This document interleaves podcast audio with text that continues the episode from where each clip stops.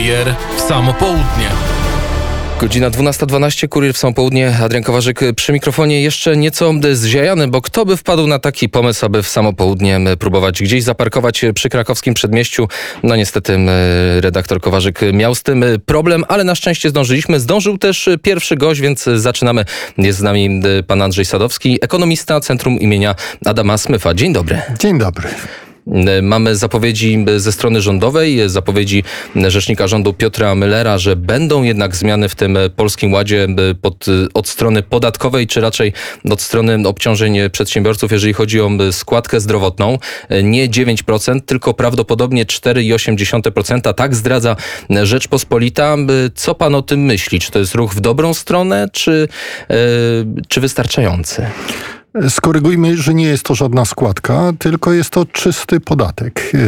A jeżeli to jest podatek... Takie słowo nie pada z ust żadnego polityka. Bo gdyby to była składka, to ona była uzależniona nie od naszego przychodu, dochodu, tylko od tego, jak dbamy o swoje zdrowie, e, też ile chcemy zapłacić za dany zakres usług medycznych, a tu się okazuje, że każdy niezależnie od tego, czy szanuje swoje zdrowie, czy nie, e, ma taki sam równy dostęp do służby e, zdrowia publicznej, ale raczej z, z naciskiem na brak do tego dostępu, bo oczywiście jeżeli przychodzi pilnie skorzystać z tej służby, to się okazuje, że najbliższe możliwe terminy są tak odległe, że i tak e, korzystamy z prywatnego prywatnego e, lekarza. Może my obywatele nie do końca wiemy, czego potrzebujemy i w jakiej wysokości, więc rząd nas tu wyręcza i daje wszystkim, e, udostępnia wszystkim porówno. Bardzo szlachetna idea, żeby akurat dostęp do zdrowia był na równych zasadach. Można powiedzieć, że tak w sumie zrobiono w niektórych krajach, gdzie każdy ma ten sam dostęp do służby zdrowia, nawet nie płacąc jakichkolwiek składek, bo uznano to za powinność państwa wobec obywateli, stąd bez składki zdrowotnej, jak to jest w Nowej Zelandii, każdy ma dostęp do oczywiście usług medycznych, ale jak przychodzi co do czego, tak samo w Polsce, jak chcemy mieć lepszej jakości e, wykonaną usługę albo bardziej innowacyjnej technologii, to i tak na koniec e, płacimy. Poza tym codziennie możemy spotkać się z informacjami, że zrozpaczone, e, zrozpaczeni rodzice e, proszą o pieniądze na rzecz jakiejś tam terapii swojej bliskiej osoby albo dziecka, bo okazuje się, że w tej bezpłatnej rządowej służbie zdrowia nie finansuje się takich akurat lepszych, bardziej wyspecjalizowanych operacji. A nawet jak mamy do czynienia z, w Polsce z urządzeniami najnowszej generacji, to naprawdę na świecie leczenia raka, które rząd lata temu zakupił, to akurat okazuje się, że już na terapię nie ma pieniędzy, stąd urządzenia warte naprawdę e, bardzo duże pieniądze stoją niewykorzystywane i nie ratują ludzi, e, którzy zachorowali na rak. Jednym ze sposobów dosyć drastycznych jest zupełna prywatyzacja służby zdrowia. Są też sposoby pośrednie, nie wiem czy się pan ze mną zgodzi, tak jak to na przykład mówi się a propos edukacji i bonu edukacyjnego. Czy mógłby być taki bon zdrowotny? Skoro mamy bon wakacyjny, z którego y, miliony naszych obywateli skorzystali na zasadzie właśnie wyboru miejsca, jakości, zakresu świadczeń wakacyjnych, to oczywiście nie ma żadnego powodu, że skoro pozwolono rodzicom i, i dzieciom korzystać z takiego bonu wakacyjnego, żeby rodzice skorzystali w, z bonu oczywiście edukacyjnego, wybierając szkołę, czyli mając co prawda znaczone pieniądze na edukację, ale przez nich już wydawane, a nie przez urzędników. I podobnie byłoby z bonem zdrowotnym, który w 2007 roku wraz z, z Ogólnopolskim Związkiem Zawodowym Lekarzy proponowaliśmy jako właśnie E, pod tytułem Służba Zdrowia kierowana przez pacjenta. To znaczy, żeby obywatel miał realne możliwość decydowania, z jakiego ubezpieczalni skorzysta, bo rząd te pieniądze, które z budżetu pochodzącego z naszych podatków przeznacza na usługi medyczne, obywatel sam wybiera z jakiego miejsca, z jakiego lekarza chce skorzystać. Ta prywatyzacja i tak nastąpiła. Ona była wymuszona, proszę zauważyć, jak dużą liczbę uchodźców mamy z publicznej służby zdrowia w kierunku sektora prywatnego, jak dużo firm, zwłaszcza w okresie pandemii, prywatnych, e, poszerzyło zakres swoich usług i zwiększyło niektóre nawet ponad miarę swoich możliwości e, ilość jakby uczestników swoich systemów. Co Ale też nie odciążyło się... to służby zdrowia ostatecznie. Kolejki do niektórych specjalistów rok, dwa lata więcej. Dlaczego? Skoro przerzuciliśmy się na prywatną służbę zdrowia. Ale to jest e, tak oczywiste, że szkoda e, tak inteligentnym słuchaczom Radia Wnet to tłumaczyć. No jeżeli mamy ograniczone możliwości finansowe, to nie może być nieograniczonego dostępu do usług medycznych czy jakichkolwiek innych usług. Zawsze ograniczoność, czy na niższym, czy na wyższym poziomie środków limituje również y, dostęp i czas, i zakres usług, w tym wypadku medycznych. Czyli te środki z roku na rok coraz większe i według zapowiedzi wydatki na NFZ 7% w Polskim Ładzie zapowiedziane, to nadal jest e, wierzchołek góry. Nie, to jest czysta numerologia, bo mówienie, że od procenta PKB będzie zależała jakość i dostęp do usług medycznych jest nieprawdą, zwłaszcza jak przeczytamy odpowiednie fragmenty raportu NIK-u z 2015 roku, który już wtedy badał e, takie skokowe zwiększenie nakładów na właśnie na de facto biurokrację, na NFZ e, i pod tytułem, że to są większe pieniądze na ochronę naszego zdrowia i co się okazało w wyniku ustalenia Najwyższej Izby Kontroli, że ani kolejki się nie skróciły, ani nie poprawiła się jakość, wręcz przeciwnie, wzrost nakładu spowodował, że kolejki się wydłużyły, a jakość wcale nie uległa polepszeniu. I jak popatrzymy na ten magiczny, numerologiczny procent PKB, który dzisiaj jest tak e, e, ochoczo e, podawany, to kraj, który w rankingu międzynarodowym jest na pierwszym albo drugim miejscu, jeżeli chodzi o jakość służby zdrowia, e, wydaje zaledwie 4,5% PKB. Jest to Singapur. Ale z Stany... jakiego budżetu? No, Przy po pierwsze, mieszkańców? E, nie, nie szkodzi. Natomiast jeżeli mówimy tylko o jednej stronie, jednego, jednym wymiarze, jakim dzisiaj e, strony jakby mówiące o naprawie, nawet nie naprawie, nie ma mowy o naprawie, tylko mowa jest o zwiększeniu nakładów. Proszę zauważyć, jaka jest retoryka. Nikt nie mówi o racjonalizacji wydatków, o naprawie, o wyeliminowaniu absurdów biurokratycznych, które spowodowały, a jeżeli pan sobie przypomni taki wypadek, kiedy lekarze na stadionie narodowym byli w wspomagani przez Wojska Ochrony Terytorialnej w wypełnianiu dokumentów, bo zajmowało im to więcej niż leczenie bezpośrednio pacjentów. To do jakiego poziomu absurdów statystyczno-biurokratycznych doszło, że trzeba używać wojska do pomocy lekarzom. Czyli, czyli problemem jest wydajność. Tu możemy zamknąć ten wątek, bo jeszcze inna numerologia, bo od niej wyszliśmy, czyli to opodatkowanie czy oskładkowanie przedsiębiorców, które ma być mniejsze niż planowano, czy to jest jakiś rodzaj gotowania żaby. Rząd mówi, e, podwyższa, że tak powiem, e, możliwości i okoliczności, a potem schodzi z tonu i mówi, no nie, jednak będzie 5%, no to chyba na to wszyscy się zgodzimy. Nie ma zgody na e, przede wszystkim zwiększanie nakładów na nieefektywny system, bo od tego trzeba było zacząć. E, poza tym e, przypomnę tutaj postulaty rzecznika małych i średnich przedsiębiorców, który mówi na przykład o dobrowolnym już w tej chwili ZUS-ie dla, mówił to od dawna, ale tym bardziej w tym momencie przychodzi jakby taki postulat na myśl, żeby i ubezpieczenie w NFZ czy gdzie indziej było kwestią mojego wyboru, bo chcę się ubezpieczyć za swoje pieniądze tam, gdzie mam realną szansę dostępu, a nie fikcyjną, jak to jest dzisiaj. Już ustaliśmy, że rząd wie lepiej. Jak widać, rząd musiał cofnąć się przynajmniej w tym momencie na te kilka miesięcy, bo nie wiadomo, czy właśnie próba utrzymania utrzymania tego nieefektywnego systemu nie skończy się kolejną podwyżką w roku 2022, a tak zapewne będzie, jeżeli się nie dokona e, fundamentalnej, nawet nie reformy, tylko zmiany tego systemu. Ten system trzeba dzisiaj, tak jak każdy inny zbiurokratyzowany system, otworzyć na zewnętrzną konkurencję, bo jak widać, ta utrzymywanie tego modelu z czasów PRL-u, jak w, w otoczeniu już podmiotów działających na rynku jest coraz bardziej trudne, zwłaszcza, że ta jakość usług wcale nie ulega poprawie mimo wzrostu nakładów i wcale ten dostęp, jak widać w ostatnich latach, się nie poprawił. Cóż, to jest ten gorący ziemniak przekazywany z rządu e, do kolejnego rządu, podobnie jak system emerytalny, ale może chociaż liznęliśmy ten temat, tego na chwilę zostawmy. Możliwość wprowadzenia podatku przychodowego. Tego typu, e, tego typu informacje słyszymy, czytamy w Rzeczpospolitej, słyszymy z ust Piotra Mellera. Co pan na to?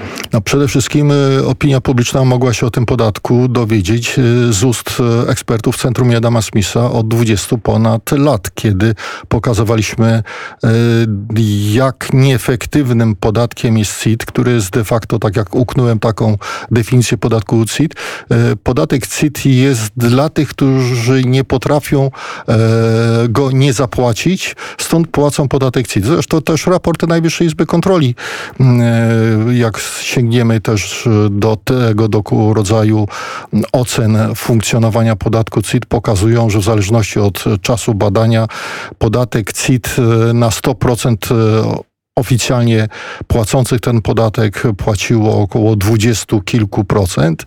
I jeżeli przyłożymy E, realnie zapłacony podatek CIT, czyli w kwotach bezwzględnych, do mm, e, wielkości przychodów, jakie uzyskiwały firmy płacące ten podatek, to przy 19% stawce efektywna stawka podatku CIT wahała się między 0,3% a 0,8%. E, czyli nasza propozycja, aby zastąpić podatek CIT podatkiem jednoprocentowym, była dla rządu znacznie korzystniejsza niż utrzymywanie 19% stawki, a poza tym likwidowała całą tą grę operacyjną, którą dzisiaj firmy prowadzą z aparatem skarbowym o koszty uzyskania, o różne inne. Także nie byłoby kontroli, bo od każdej wystawionej legalnie faktury doliczałoby się procent, czy w dzisiejszych warunkach dramatycznego długu publicznego 1,5%, te pół procent na spłacanie długu, bo trzeba myśleć też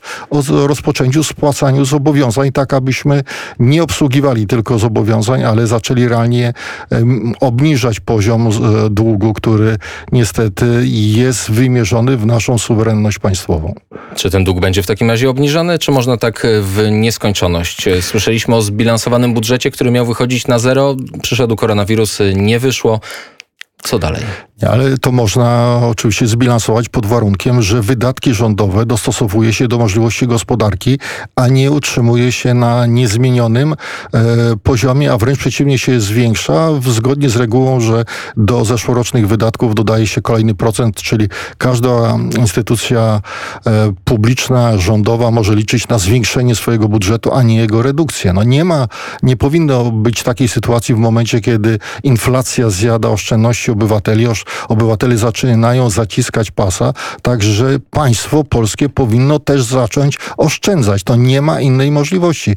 A poza tym ten właśnie podatek przychodowy dałby polskiemu rządowi po pierwsze znacznie większe przychody niż z próby opodatkowania tych mikro i małych przedsiębiorców, którzy według też innych raportów płacą proporcjonalnie znacznie większe podatki niż międzynarodowe korporacje.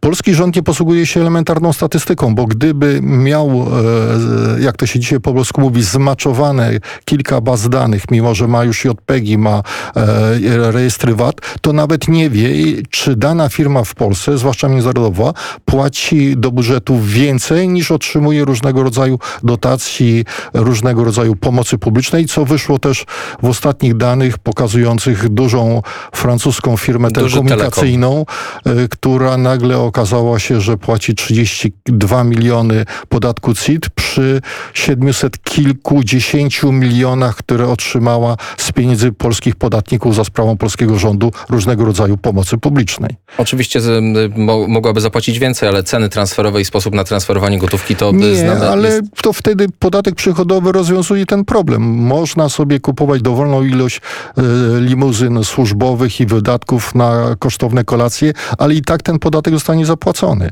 Czy oni, niezależnie ile wytransferuje się za prawo do używania loga czy innych takich właśnie tytułów podatkowych, które skutecznie dzisiaj powodują, że te podatki płacone na terenie Polski za to, że się jest na tym rynku są tak, można powiedzieć, symboliczne. No dobrze, to y, nie wiem, czy czyta pan tabloidy, zdarza się panu? Yy, Tabloidy, pierwszą stronę tak. No to na pierwszej stronie wielki tytuł Galopująca inflacja. Rekordowa od 20 lat ponad 5%. Pytany premier Mateusz Morawiecki o to, co rząd może zrobić z inflacją, mówi, no to nie jest w kwestii rządu, to jest, to może zrobić Narodowy Bank Polski, a z kolei od pana prezesa Glapińskiego słyszymy, że on nie ma ku temu narzędzi. Aż nie wierzę, że można wygłaszać takie deklaracje w momencie, kiedy inflacja nie jest, tak jak podaje GUS, 5 ponadprocentowa, tylko no, oprę się tutaj na raporcie pana profesora Konrada Raczkowskiego, który swego czasu pełnił funkcję wiceministra finansów. Jego raport na temat inflacji jest dostępny w sieci, także państwo mogą się e, do niego mm, odwołać i przeczytać gdzie inflacja jest na poziomie dwucyfrowym w Polsce. Nie, celowo nie podam, jakie są to dwie cyfry, które wskazują na poziom inflacji, ale ona jest e, radykalnie, znacznie większa niż te statystycznie podawane. Ale pierwsza cyfra to jedynka. Nie. Dwójka? E, także proszę sięgnąć po ten raport, bo w tych, po pierwsze, koszyk, który był do tej pory używany do przeliczenia cen, jest nieadekwatny do dzisiejszej sytuacji. Poza tym modele nie były dostosowane do tak dynamicznej zmiany cen. Jeżeli nawet e, popatrzymy na dane GUS-u i porównamy e, dane, które e, GUS przedstawił lipiec 2020 do lipca 2021, to wzrost cen produktów i usług wzrósł o 108%. Także stąd mamy do czynienia naprawdę znacznie czymś groźniejszym, gdzie jak się popatrzymy na lata 90., kiedy rządy nieudolnie e, co bądź, ale jednak podejmowały walkę z inflacją. Natomiast najgorsze byłoby próba leczenia skutków inflacji typu różnymi rodzajem kredytów uprzywilejowanych, czy e, takich właśnie o niskich stopach, które wtedy rządy próbowały zrobić, a nie źródła inflacji. Także skoro pomoc publiczna udzielona w czasie pandemii to było prawie 300 miliardów złotych, to ma to wpływ na zmianę struktury dzisiaj cen, e, zmianę struktury też tego wszystkiego, co pociąga.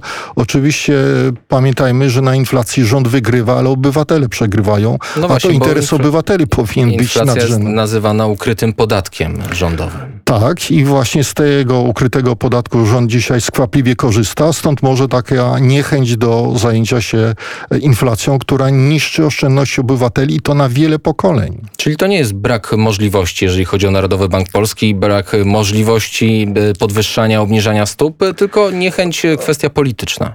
Zdecydowanie tak, bo jakby zatrzymanie inflacji i obniżenie powinno być dzisiaj priorytetem e, rządu i instytucji państwa polskiego, aby nie dopuścić do sytuacji, która występowała pod koniec i na początku XXI wieku, pod koniec XX wieku i na początku XXI wieku, e, gdzie właśnie to inflacja niszczyła instytucje, chociażby możliwości posiadania własnego mieszkania czy domu, czy inwestycji długoterminowych ze względu właśnie na e, brak stabilizacji i przewidywalności. To, co udało się przecież osiągnąć jeżeli chodzi o polską walutę e, złotego polskiego, to przekonanie po tych latach już galopującej przecież też inflacji w Polsce e, do tego, aby znowu polskie społeczeństwo zaczęło oszczędzać i trzymać swoje oszczędności w walucie narodowej. A dzisiaj jest właśnie powrót do walut obcych, po to tylko, żeby mieć jakąś namiastkę pewności,